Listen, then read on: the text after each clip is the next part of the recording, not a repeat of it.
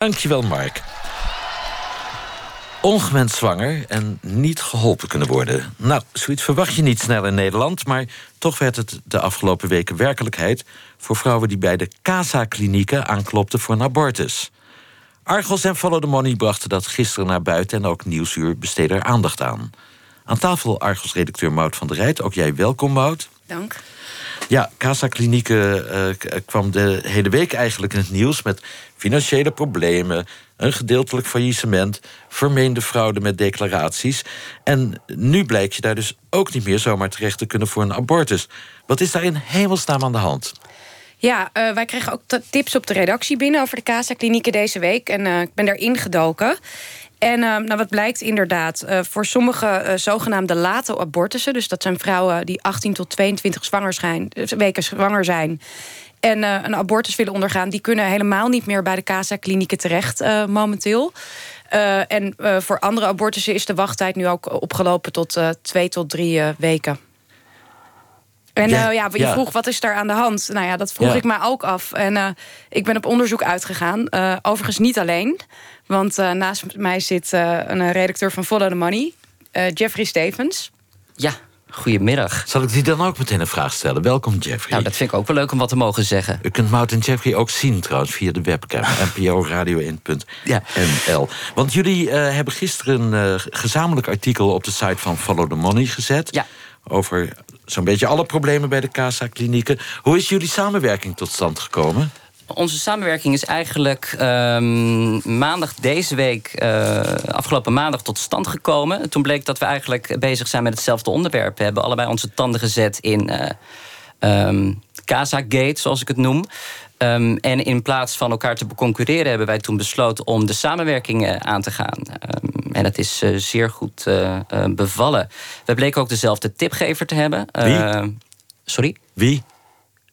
Uh, Mout en ik hebben dezelfde tipgever. Maar wie is de tipgever? De tipgever, dat is uh, abortus, dat wou ik dus net gaan vertellen. Abortusarts uh, Maria. Zij werkte tot 22 augustus bij de CASA-klinieken. Um, en zij is eigenlijk op dit moment de klokkenluider. De vrouw die um, de problemen binnen de CASA-klinieken aanhangig maakt. En we hebben haar ook geïnterviewd de afgelopen week. Zullen we naar haar gaan luisteren? Ja. Ik heb uh, naar mevrouw Ameling een brief gestuurd. Met mevrouw de... Ameling is van de inspectie, hè? Ja, van de inspectie. Met de vraag, wil u alsjeblieft goed in de gaten houden? Want het gaat over de veiligheid van de cliënten. Want als de, de medewerkers onder druk worden gezet... heel veel mensen zijn ziek Heel veel mensen staan op het punt om een burn-out te krijgen of hebben al gekregen. Heel veel mensen zijn beschadigd. Dan kan je niet de kwaliteit en de veiligheid van de abortushulpverlening garanderen. Dat kan gewoon niet. Dat doet u veel, hè? Ja, natuurlijk. Ik werk heel lang binnen de abortushulpverlening. Ik werkte vier dagen in de week. En uh, mijn werk was ook een beetje mijn leven. En uh, ik heb heel veel respect voor mijn collega's. Want uh, de situatie is niet prettig op dit moment. Ik ben sinds 22 augustus thuis. Maar ze zijn nog steeds aan het werken onder omstandigheden niet heel erg prettig zijn. U hoorde Maria Noboa, de klokkenluider van Casa Gate. Mout, heeft ze jullie nog meer verteld dan dit over overspannen artsen, overspannen medewerkers? Uh, ja, zij vertelde dat zij zeker niet de enige is bij CASA die zorgen heeft. Er zijn daar uh, ja, onder eigenlijk heel veel uh, medewerkers en ex-medewerkers... die zijn ongerust over de situatie. Nou, Maria vertelde ook dat zij een brief schreef... of een mail schreef naar de inspectie. Zij bundelde ook ja, de reactie van een aantal anoniem, of medewerkers... die anoniem willen blijven.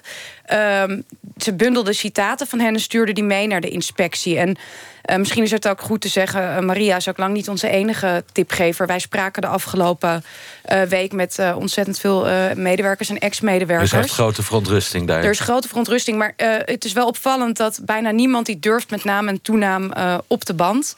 En ja, Maria dus wel. Ik wil zo met jullie, Jeffrey en uh, verder ingaan op de problemen die zijn ontstaan bij CASA. Maar ik kwam eerst op de vraag van, is het eigenlijk erg als je daar niet voor een late abortus terecht kunt? Want ik heb het gevoel dat heel Nederland vol staat met abortusklinieken. Nou, dat valt dus wel mee. Uh, het probleem uh, met de Casa-kliniek is dat zij ongeveer de helft van alle abortussen in Nederland uh, oh, Zoveel?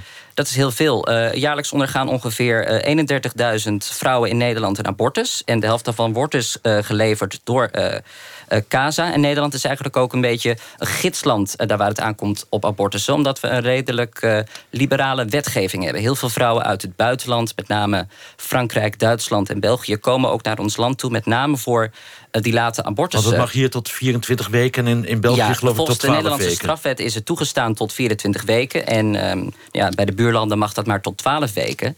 Dus heel veel van die buitenlandse vrouwen en, um, komen dus ook naar Nederland toe voor, voor zo'n abortus. En um, ja, als zo'n grote speler uitvalt, dan staan mensen wel voor een dichte deur.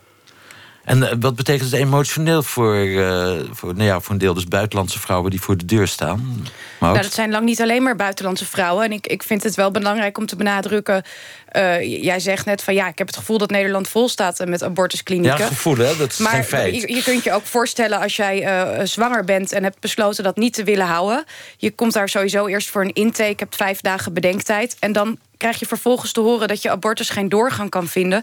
Dat moet enorm slopend zijn, uh, emotioneel voor vrouwen. En uh, nou ja, zeker ook voor die late abortussen. Dan kom je op een gegeven moment bij de kritische termijn tot waar het nog kan. En dat zijn zeker niet alleen vrouwen die op het laatst opeens besluiten toch niet hun uh, zwangerschap te willen uitdragen. Maar het, het, het, het, zijn ook vaak schrijnende gevallen, zoals uh, mensen die er laat achterkomen uh, als gevolg van zedendelicten, jonge meisjes. Um, nou, je kunt je voorstellen ja, hoe problematisch dit is. We hebben nu twee dingen gehoord. Er zijn opmerkelijk veel medewerkers van die CASA-klinieken ziek thuis... of met een burn-out thuis. En er zijn lange wachttijden. Wat, wat is het verband, Mout? Um, nou ja, er, zijn, er is dus grote onrust bij de CASA-klinieken... als gevolg van uh, ja, ook uh, financiële onduidelijkheid. Een, een, een deel van, de, uh, ja, van het bedrijf is failliet verklaard. er is daar een curator in dienst momenteel. Um, nou, dat leidt sowieso tot spanningen bij medewerkers. Er staan veel mensen ziek gemeld. Uh, ook omdat ze ja, geen. Nou ja, wij horen dat er uh, onder een groep medewerkers weinig vertrouwen is in de huidige directie. Um, als gevolg van die ziektemeldingen is er personeelstekort. Ook uh, niet iedereen kan blijven in de nieuwe CASA-klinieken. Dus er zijn ook mensen ja, ontslagen. En um, zo zijn er dus uh, ja, minder artsen en personeel in dienst dan normaal. Die zogenaamde uh, gespecialiseerde artsen in abortussen in late uh, zwangerschappen... die werken op dit moment helemaal niet meer bij CASA. En vanwege die zorgen die medewerkers daar weer over hebben... eigenlijk een soort vicieuze cirkel... komen er ook weer meer ziekmeldingen. En... Um, um, we hebben, ja, we hebben ook meer van die medewerkers gesproken. Dat vertelde ik net al. Maar, uh, die, die willen wilden dus... niet uh, met naam en toenaam genoemd. Nee, maar misschien kunnen we wel uh, luisteren. We hebben een compilatie gemaakt van citaten die wij gehoord hebben. Of, en um, die hebben wij laten inspreken. Vrijdag draaide ik de ochtend alleen op de receptie. De eerste cliënten stonden om acht uur voor de deur te wachten. Een vol programma was het, met te weinig personeel wat resulteerde in het wijzigen van de door de cliënten gewenste behandelingen. Behandelingen waar ze al twee weken op hadden gewacht. De te voeren discussies aan de balie of telefoon moet je niet onderschatten. Je moet soms alle registers opentrekken om escalatie te voorkomen. Ik heb ook zorg voor de patiënten. Sinds het faillissement bieden we minder behandelingen aan omdat we soms een dag dicht zijn of niet de goede bevoegde artsen in huis hebben. Het is natuurlijk unfair en super klantonvriendelijk om vrouwen af te bellen of om vrouwen naar huis te sturen. Maar als patiëntveiligheid in het geding komt, moet dat maar. Onze locatiemanager is ontslagen. Van haar kamer is direct een intakekamer gemaakt. We moeten meer behandelingen doen. Daarom is er een extra kamer nodig. Nu is er een intakekamer, waar onder andere echo's worden uitgevoerd, die niet voldoet aan de eisen. Er is geen stromend water en geen alarmknop. Ik maak me zorgen over de medische hygiëne. De druk is hoog en als er ook maar één iemand ziek wordt, zitten we in de problemen. Een aantal collega's zit extreem dicht tegen een burn-out aan. Maar ze durven zich niet ziek te melden. Uit angst dat hen dat aangerekend zal worden en hun geen nieuw contract wordt aangeboden. Ook ik ben bang dat in deze omgeving de kans op fouten toeneemt en de cliëntveiligheid in het gedrang komt. We balanceren op het randje. Ja, resumerend. door al die burn-outs en mensen die ziek thuis zitten... Of, of wel uit angst voor hun baan blijven werken, maar niet volop... zijn er dus niet alleen problemen met wachtlijsten ontstaan bij de CASA-klinieken... maar loopt ook de veiligheid voor de patiënten risico, Jeffrey. Ja, dat klopt. Ik denk dat dat al heel duidelijk naar voren komt in de fragmenten die we zojuist hoorden. Ehm, en het blijkt toch wel uit de gesprekken die wij de afgelopen tijd voerden met, met medewerkers en uit interne documenten dat, er, uh, dat de druk op dit moment zo hoog is. Dat die, dat die zo is opgevoerd op de medewerkers. Dat zij echt vrezen voor de kwaliteit uh, van zorg. Dat is ook de reden dat een aantal van die medewerkers uh, inmiddels uh, contact heeft gezocht met de Inspectie voor de Gezondheidszorg.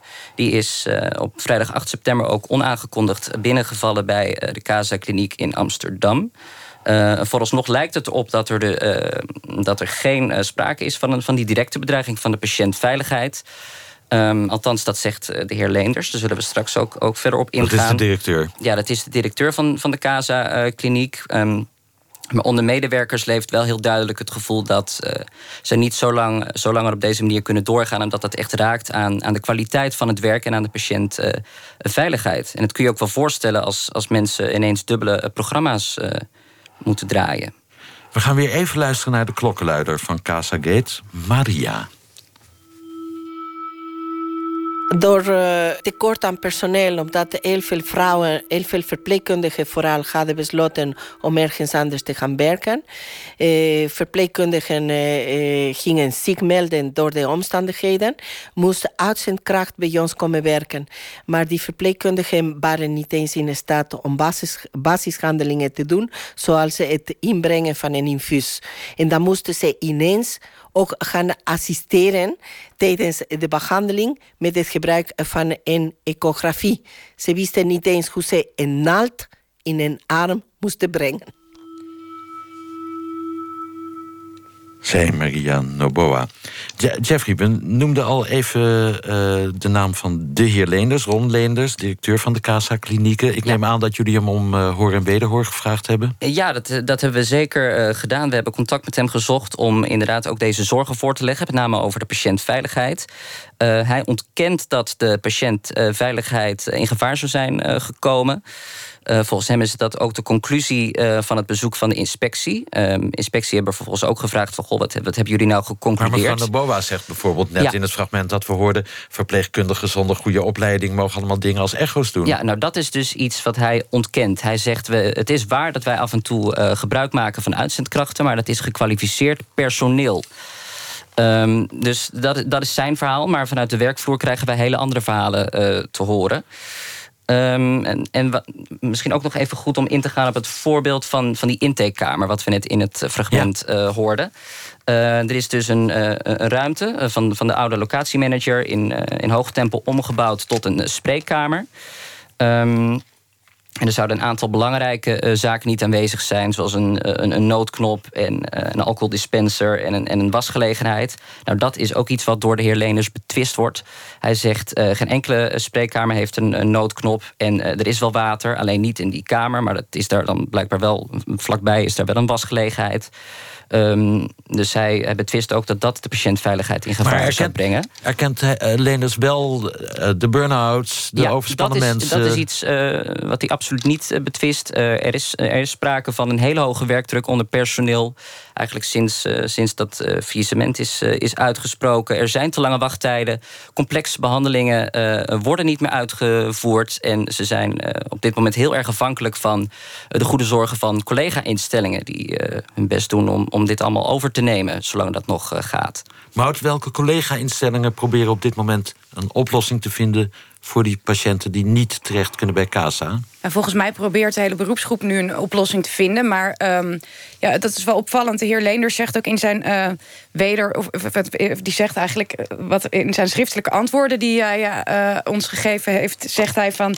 dat er in goed overleg met de Vreling-klinieken... met Bloemenhoven-klinieken en met... Uh, instelling in Arnhem... dat daar um, in goed overleg naar een oplossing wordt gezocht. Nou ik heb al, alle drie de directeuren gesproken... en zij zeggen juist collectief van het, uh, hetgene wat hier juist ontbreekt... is goed overleg, zowel vanuit Casa-klinieken als vanuit het ministerie. Um, nou, zij vertellen dat uh, zij, uh, de telefoon bij hun rood gloeiend staat... sinds vorige week maandag. En um, dat zij ook niet weten hoe lang zij dit, dit aankunnen. We kunnen luisteren naar de directeur van de Bloemenhoven Kliniek, Thea Schipper. Nou ja, de aanmeldingen zijn sinds, eigenlijk sinds maandag enorm vorige week maandag dus enorm gestegen. Ja. De aanvragen voor abortus. Ja. Met, ook met de mededeling dat de mensen bij CASA niet terecht kunnen. Ja. En ons heeft dat min of meer overvallen. Want we wisten wel van problemen bij CASA, maar absoluut niet waarop gebaseerd. Mm -hmm. En dat is inmiddels nu duidelijk. Tenminste, dat lijkt uh, enigszins duidelijk. Al is het nog niet van, van CASA zelf gekomen. Nee. Ik heb uh, met de inspectie en met VWS heb ik contact gehad. Ja. En ook verteld dat we ja, wel op de hoogte gehouden willen worden hoe lang dit gaat duren. Want ik bedoel, ik kan niet ineens een blik personeelsleden uh, opentrekken, waardoor we extra dagen open gaan. Nee. Maar het moet niet heel erg lang duren. Want ik durf ook geen maatregelen te nemen, omdat ik niet weet hoe lang het gaat duren. Thea Schipper was dat, directeur van de Bloemenhoven Kliniek. Een uh, bekende naam voor mensen van mijn generatie. Jeffrey, er is nog veel meer uh, aan de hand. Er zijn Absoluut. heel veel geruchten en berichten Ja. geweest. Niet alleen over burn-outs en wachtlijsten maar, en gesloten deuren. Maar wat komt er nog meer? Er komt nog heel veel. Dit is eigenlijk was het begin. De komende tijd uh, zal Follow the Money in goede samenwerking met Argos uh, uh, verder gaan op dit dossier. er zijn bijvoorbeeld vragen over het faillissement. Um, daar is echt een, een, er zijn een aantal hele rare dingen gebeurd. Een, een naamswijziging kort voordat het faillissement werd uitgesproken. En er zijn heel veel onbeantwoorde vragen. Bijvoorbeeld, wie was nou de brein achter die declaratiefraude? Want er is ook nog sprake van fraude. Um, dat gaan, we, gaan wij de komende tijd uitzoeken. En we hopen snel uh, terug te komen met, uh, met de antwoorden op al die vragen die nog openstaan. Mout, je mag wel spreken over een Casa Beerput langzamerhand. Nou ja, uh, wij gaan daarin duiken en dan zal het blijken hoe groot de beerput is. Mag ik jullie bedanken voor uh, jullie onderzoekswerk en je ja. komst naar de studio. Jeffrey Stevens van Follow the Money en uh, mijn collega Mout van der Rijt.